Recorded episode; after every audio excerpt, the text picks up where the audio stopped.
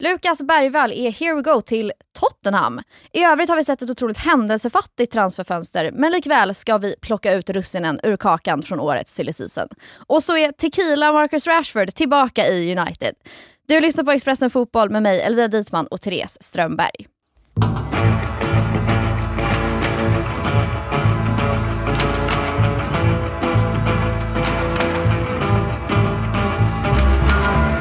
Therese, om vi hoppar in i Lukas Bergvall direkt. Den här bomben, bomben, vi visste ungefär vart det var på väg. Eh, vi visste att han ju, skulle någonstans. Vi visste att han skulle någonstans, vi visste att det förmodligen var Tottenham eller Barcelona. Eh, men igår kväll så kom det ut från The Athletic och Fabrizio Romano att det blev Tottenham. Är du förvånad? Eh, nej, egentligen inte. Det känns väl som att eh, eh, det har väl varit ganska tydligt att han har haft de här två som någon slags eh, eh förstahandsval och att det har varit ganska jämnt mellan dem. Eh, och sen finns det ju saker i, nu vet jag ju inte vad det är som har gjort att eh, Lukas Bergvall väljer Tottenham. Det kanske han själv kommer att prata om här inom den närmsta tiden. Men det som står klart är ju det finns ju en hel del problem i Barcelona trots allt. Man har jättestora ekonomiska problem. Man har ju flera transferfönster i rad haft svårt att eh, överhuvudtaget registrera spelare i A-truppen. Vitor Roque som är eh, den spelare som man gick för och eh, fick in i, i det här transferfönstret. Han är ju till exempel bara registrerad fram till sommaren. Så efter mm. 30 juni skulle han ju tekniskt sett kunna gå till en annan klubb för att han står utan, utan kontrakt. Sen kommer ju Barca lösa det där. De har ju sina olika kreativa lösningar för att få in sina spelare i truppen. Men, men det är stora ekonomiska problem. Xavi berättade för en vecka sedan att han kommer att eh, lämna. Xavi som ju är en tränare som har gett jättemycket unga eh, spelare. Tonåringar har ju ploppat upp en efter en varje vecka mer eller mindre de senaste månaderna i, i Barca. Eh, han lämnar, man vet inte vem som kommer ta över. Eh, det skrivs ju en hel del nu att eh, Xavi, som ju ändå är en liksom, klubblegendar, inte har varit nöjd med hur klubben styrs och att han mer eller mindre inte haft någonting att säga till om vad kommer till värvningar utan att det är presidenten Laporte och sportchef Deco som har liksom styrt det där. Det, det, finns mycket osäkerheter kring Barca. Eh, om det nu är det eller om det handlar mer om att Barca inte kan erbjuda eh, A-lagsspel nu utan att han kanske snarare hade spelat i, i Barca B och tränat med A-laget. Det är lite sådana olika uppgifter som florerar också kring upplägget som de två olika klubbarna har, eh, har erbjudit. Men, men eh, så det är inte jätteförvånande. Jag menar det här är jag pratade med Lukas Bergvall i början av januari på januariturnén med landslaget. Och han var ju väldigt tydlig där då med, jag tyckte han liksom uttryckte sig väldigt bra kring det här med att det är ett så väldigt stort beslut för honom. Det är ett jättesvårt beslut. Eh, och han uttryckte flera gånger att så här, det enda han vill är att det ska bli det han vill i slutändan. Att det mm. var liksom viktigt för, för honom. Så att, eh, jag, jag, tror att han har, han har förmodligen haft jättesvårt att bestämma sig och det är väl väldigt mycket intryck och olika typer av liksom påtryckningar får man ju ändå säga. Det, det är ju inte så att, både, att de här klubbarna inte har liksom gjort allt de kan för att övertala honom. Utan, mm. Så det måste ha varit svårt för honom. Ja, hur stor, han var ju, eh, har ju varit på liksom en liten turné där och varit både i London och Barcelona. Eh, I Tottenham då så fick han träffa Dejan Kulusevski. Hur, tror, hur liksom stor påverkan tror du att det kan ha när du, ja, men som ändå, även om Lukas Bergvall verkligen har presenterat sig så är han ju fortfarande en idag, grattis, eh, 18-åring som nu då får träffa Sveriges bästa eh, fotbollsspelare just nu och få höra liksom, men kom till min klubb, gissar vi att det Kulusevski har sagt. Den är jättebra. Ja men precis, nu, nu, får, nu vet man ju inte heller exakt hur mycket han har varit med i de här Alltså jag har ju svårt att se att Dejan Kulusevski skulle ha suttit med i varenda möte som Lukas Bergvall har haft som med hans, Tottenham. Mo, så här, representant. Ja men precis, som någon slags fadder. Så här, ja. när, man, när, man, kommer så här, ny till en skola. Att man får liksom, det här är din påtvingade kompis som ska liksom, se till att du får andra kompisar också. Jag har svårt att se att det är exakt så det har gått till. Mm. Däremot så tror jag, jag tror säkert att det kan spela roll. När man är ung, man ska ut i Europa, man är så enormt upphåsad som Lukas Bergvall är. Utan att egentligen ha liksom han har ju inte etablerat sig Nej. egentligen på A-lagsnivå. Han är inte etablerad allsvensk spelare på det sättet. Um, så det är klart att det kan säkert ha haft en påverkan att, att det är en annan svensk i laget. Eh, Dejan kan säkert ha berättat för honom ja, men lite så här, hur tränaren är och hur upplägget är, hur faciliteterna är och, och liksom, men pratat om att, att han trivs väldigt, väldigt bra. Den Kulusevski är ju också, de har ju den här BP-kopplingen mm. eh, såklart och dessutom så är ju Den Kulusevski en spelare som har varit ute själv sedan han var väldigt ung. Han gick väl som 16-åring eller mm. något sånt där till, till Atalanta. Så att, eh, det, det, är klart att det kan ha haft en påverkan. Sen tror jag kanske inte att det har varit det stora som har gjort att han har eh, bestämt sig för Tottenham. Nej. Vet vi någonting än om summan? Det har ju snackats lite olika här. Vad jag har sett så har vi liksom inte fått den eh, officiella prislappen. Nej, och det får man väl egentligen väldigt eh, sällan. Väldigt sällan. Men det som, det som vi har skrivit eh, i vår senaste text här är ju att den ska ligga på ungefär 110 miljoner mm. svenska i ett liksom, initialt skede. Och sen så Finns det får, bonusar och Ja, precis. så får man se exakt hur mycket det blir. Men eh, det blir väldigt mycket pengar till, eh, till Djurgården, så kan man säga. Välkommen till Coolbet där spänningen aldrig tar slut och underhållningen står i centrum. Här får du inte bara Sveriges bästa fotbollsodds. Du får också en spelupplevelse som är rättvis, transparent och framförallt rolig. För oss handlar det om mer än bara spel. Det handlar om att ta en paus, att våga chansa och kanske vinna stort. Det oväntade gör varje ögonblick unikt. För dig över 18 år, stödlinjen.se.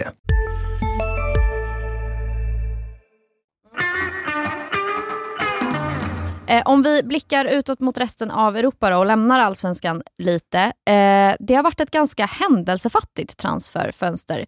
Vad, vill du plocka ut lite godbitar? Vad tycker du generellt om det här transferfönstret? Vad är din initiala känsla över det som har varit? Nej, men att det inte känns som att det har varit ett transferfönster riktigt. Mm. Har, vi har ju fått den för att det har varit Lukas Bergvall och mm. för att ja, men jag vet inte hur mycket jag har pratat med spanska journalister som liksom bara totalt har liksom bombarderat den med liksom, vad är det senaste du har hört? Är han nära Barca? När kommer han hit? När, när han var i Barca så messade de och frågade när ska han åka härifrån? Alltså som att jag var någon slags resebokare. Liksom.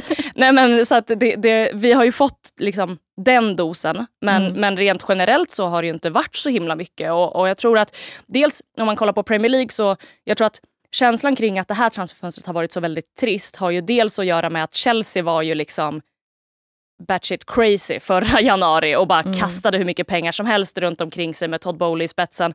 Eh, riktigt så har ju inte de betett sig den här, eh, det här januarifönstret. Nej. Vilket gör ju att eh, Premier League-spenderingen har ju gått ner. Samtidigt som det finns ju ett antal nya regleringar, ekonomiska regleringar i Premier League som också gör att klubbarna är lite restriktiva. De måste få ihop sitt räkenskapsår på ett bra sätt innan 30 juni för att sen då kunna eh, värva till sommaren. Så det spelar ju också in lite att Premier League-klubbarna har ju spenderat, jag tror att nu var det inför igår, nu vet jag inte exakt hur siffrorna har sett ut efter att fönstret stängde då, men inför igår så hade ju eh, Premier League eh, totalt sett då, Premier League-klubbarna spenderat eh, minst eh, den, här, den här januari på om man ser över de senaste tio åren så de har mm. aldrig spenderat så lite i januari som de hade gjort mm. i år.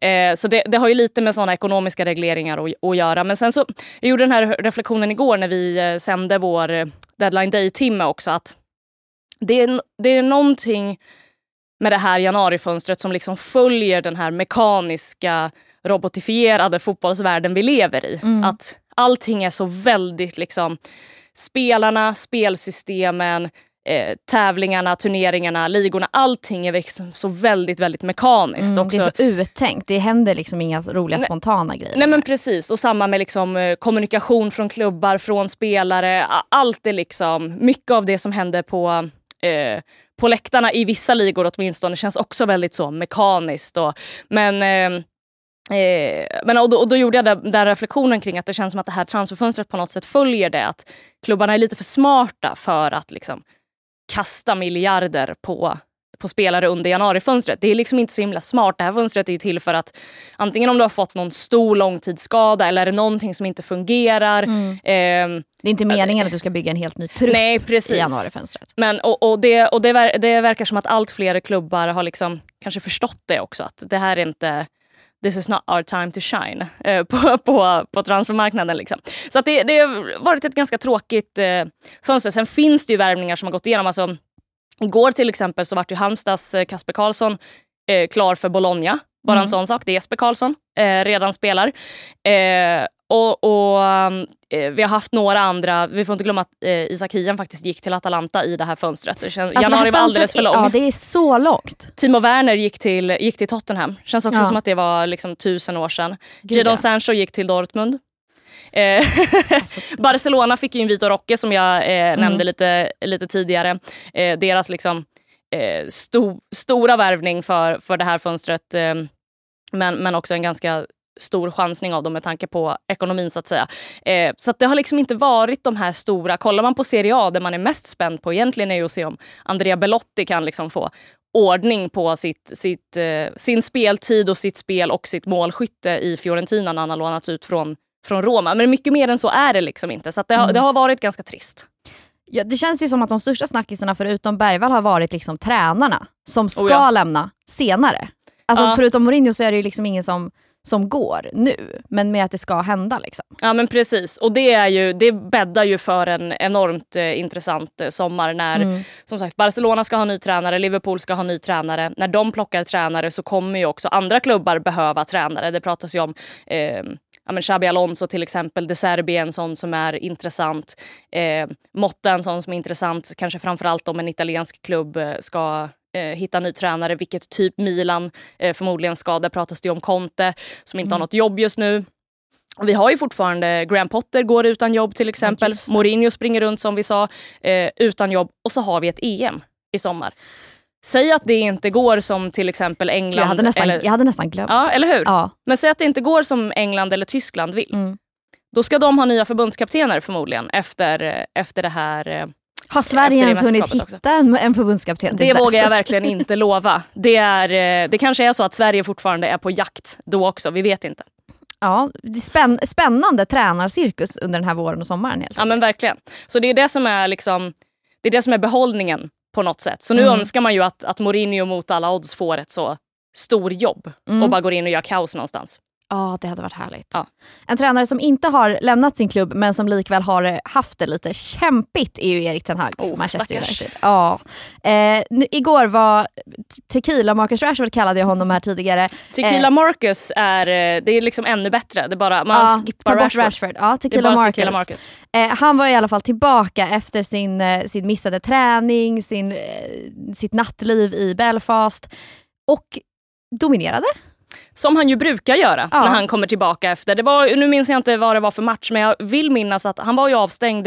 Eh, han stängdes väl av från träning och, och sådär efter eh, att ha varit sen var det väl under, under hösten här. Ja, eller om det var under förra var- säsongen till Han och med. var väl ute, han körde väl en, en liknande utekväll efter en förlust mot City här i höstas tror jag. Ja precis. Eh, Ja. men, och då kommer han ju också tillbaka och gör mål. Mm. Eh, det, det första han gör. Liksom. Vilket han också gör här. Tar fem minuter mot eh, Wolves innan, eh, innan han gör mål. Och så är allting liksom glömt och förlåtet. Borde, borde de bara tillåta honom göra sånt här för att han sen kommer och gör mål? är, det, är det ett framgångsrecept? Jag tror inte att det är en strategi som United eh, vill anamma. Det är ju trots allt så att Ten Hag jobbar desperat hårt för Mm. att få till någon slags liksom, disciplin och uppförandekod som alla i den här truppen ska följa. Och det är ju liksom en efter en så bara liksom väljer de att kliva utanför ramen. Men i det här fallet så gick det ju bra. Det var Mm. ju United väldigt tydliga med om det finns folk som tycker att så här, ja, men varför blev det som det blev med Jadon Sancho och varför är Marcus Rashford välkommen tillbaka Ja. så himla snabbt så är ju den, jag tror att den stora skillnaden där är att Marcus Rashford, det var man tydlig med att han hade liksom in, infunnit sig på Carrington och han hade bett om ursäkt och han hade liksom förstått att så här, det här var inte bra gjort. Trots att han både gjorde det här och sen försökte ljuga om det och försökte komma undan. Liksom. Mm. Trots att det fanns bildbevis. Så då var han ju tvungen till slut. Men att han liksom var väldigt ångerfull och han bad om ursäkt och att de löste det på det sättet. Så var det ju inte med Jadon Sancho. Nej. Utan där var det ju liksom Instagram-poster och, och det var annat som gjorde Erik Ten Hag ännu mer upprörd. Mm. Eh, så att där är ju liksom, tror jag den stora skillnaden i det här. Och sen är ju, får man inte heller glömma, det är ju så det funkar i olika situationer med fotbollen. Att Marcus Rashford är ju ändå, nu har han haft en svag säsong den här säsongen men han har ju, han är en spelare som har presterat under Mm. Ten Hag och som har varit väldigt viktig. Hej, Synoptik här. Hos oss får du hjälp med att ta hand om din ögonhälsa. Med vår synundersökning kan vi upptäcka både synförändringar och tecken på vanliga ögonsjukdomar. Boka tid på synoptik.se. Välkommen till Maccafé på utvalda McDonalds restauranger med Baristakaffe till rimligt pris. Vad sägs om en latte eller cappuccino för bara 35 kronor? Alltid gjorda av våra utbildade baristor.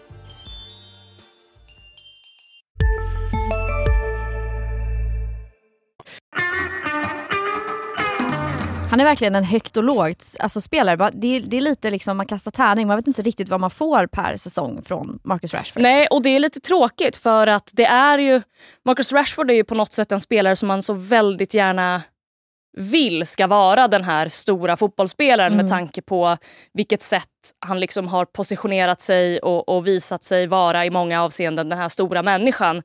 Eh, med liksom, när han har hjälpt till med eh, eh, skolmat till Ja. barn som inte liksom, får någonting att äta annars Ja, och, han har fått en sån här OBI, alltså adlig titel på något vis. Jag vet inte exakt hur det funkar. I. Ja, någonting. Ja, något Någonting sånt. åt det någon, hållet. någon order har han fått. Ja, så att jag menar, då, och då, då är det på något sätt som att man också önskar så himla mycket att han ska vara den här, äh, det som han inte har varit den här säsongen i United. Mm. Han har inte varit den här liksom stora ledaren som men går först i ledet och försöker se till att saker och ting blir bra. Och därför tror jag också att folk blir extra besvikna när United är i den situation de är i Mm. och saker och ting är ganska jobbigt och har varit ganska jobbigt både sportsligt, eh, på och utanför planen. Eh, då Så är det liksom, liksom- han som går på tequila race i Be- Belfast och Mm. hamnar på bild. Liksom. Jag tror att det gör också att folk blir liksom extra besvikna på honom. Men igår fanns det ingen anledning att vara besviken just på Rashford. United Nej. gör ju en jättebra... Ja, ska vi Första prata halvlek. lite om, om matchen? Ja, men det tycker jag. Ja. Jättekul att eh, Rashford och eh, Höjlund eh, ändå är på väg. Jag tror att de har kombinerat, eh, ja men det är inte extremt många, men det är ett antal mål mellan varandra. Nu kommer jag inte ihåg eh, siffran bara för det, men, men, men de börjar i alla fall hitta varandra när, när de spelar ihop. Det var ju Höjlund som spelade fram till Rashfords mål och sen så gjorde ju Höjlund ett själv, typ någon kvart senare eller någonting. Eh, och United gör en jättebra första halvlek, eh, går in i halvtidsvilan med 2-0. Eh, runt 70 så släpper de in 2-1. Eh, innan Scott McTominay några minuter senare gör 3-1 och man tänker att så här, men vad det- skönt att ja. det inte blev Classic United. Alltså vad skönt för dem. Att det Mm. bara kan, nu en är det liksom vinst. kvart kvar. Ja. 3-1. Smooth sailing. Men så blir det inte så när det är United Det blir pratar om. inte det. 85 blir det 2-3 till Wolves. Eh, 95 3-3. Ja. Och där är det liksom, där fylls ju Twitter av liksom, det här är en förlust för United, hur kan Mm. de göra så här mot sig själva, vad är det de håller på med? Anthony är katastrofal, vilket förvisso stämmer trots att United eh, faktiskt eh, vinner den här matchen. Då. I 97 eh, är det Mainu som gör eh, 4-3. Så United Mm. får med sig de här tre poängen. Marcus Rashfords eh, liksom, initiala mål där betydde någonting i slutändan trots allt. Eh, men allt är ju inte frid och fröjd. Vi, det här är ju, det är ju ett eh, otroligt intressant lag Mm. att följa just nu, Manchester United. Och på tal om... det, är ehm, fi- det är ändå snällt sagt tycker jag. Alltså så här, att det är ett intressant lag. Alltså, du, du säger det på ett sätt som att så här, wow det är ett intressant lag att Ja, men- följa. ja, men det är När man det. tittar på dem och tänker så här. Det är intressant fast det är mer att man, att man vill liksom så här, hålla för ögonen Mm. lite och titta lite om man inte fingrarna. är som Jokern och liksom bara vill se eh, världen brinna. Ja, då, Då är ju United, då är det väldigt intressant. Då är det väldigt intressant. Alltså sagt med en sån leende, Ja. den här härliga tonen. Nej men det, det är ju, eh, på tal om eh, tränarsommaren, Mm. så vet vi fortfarande inte faktiskt hur Jim Ratcliffe och hans eh, eh, sportsliga... Han ska ju liksom ta över den sportsliga driften i Manchester United nu. Eh, och det skrivs det ju om väldigt mycket i brittiska medier att det är inte helt tydligt huruvida Mm. Erik Ten Hag är liksom hans tränare. Vill han fortsätta köra på det här? Eller kommer han att eh, vilja ändra någonting? Det är uppenbarligen folk som rör på sig i Ja, men- sommar. Verkligen. Och det här är kanske lite avhängigt också av hur resten av våren går för, för United, hur man väljer att göra. Men det finns ju faktiskt en eh, risk eller möjlighet, beroende på hur man eh, vill se det, att eh, även United ska ut på, på tränarjakt i sommar. Och med de orden tycker jag att vi tar helg Therese. Ja, för det gör vi verkligen. Ja, vi är tillbaka igen med ett nytt avsnitt av Expressen Fotboll på måndag. Trevlig helg och tack för att ni har lyssnat.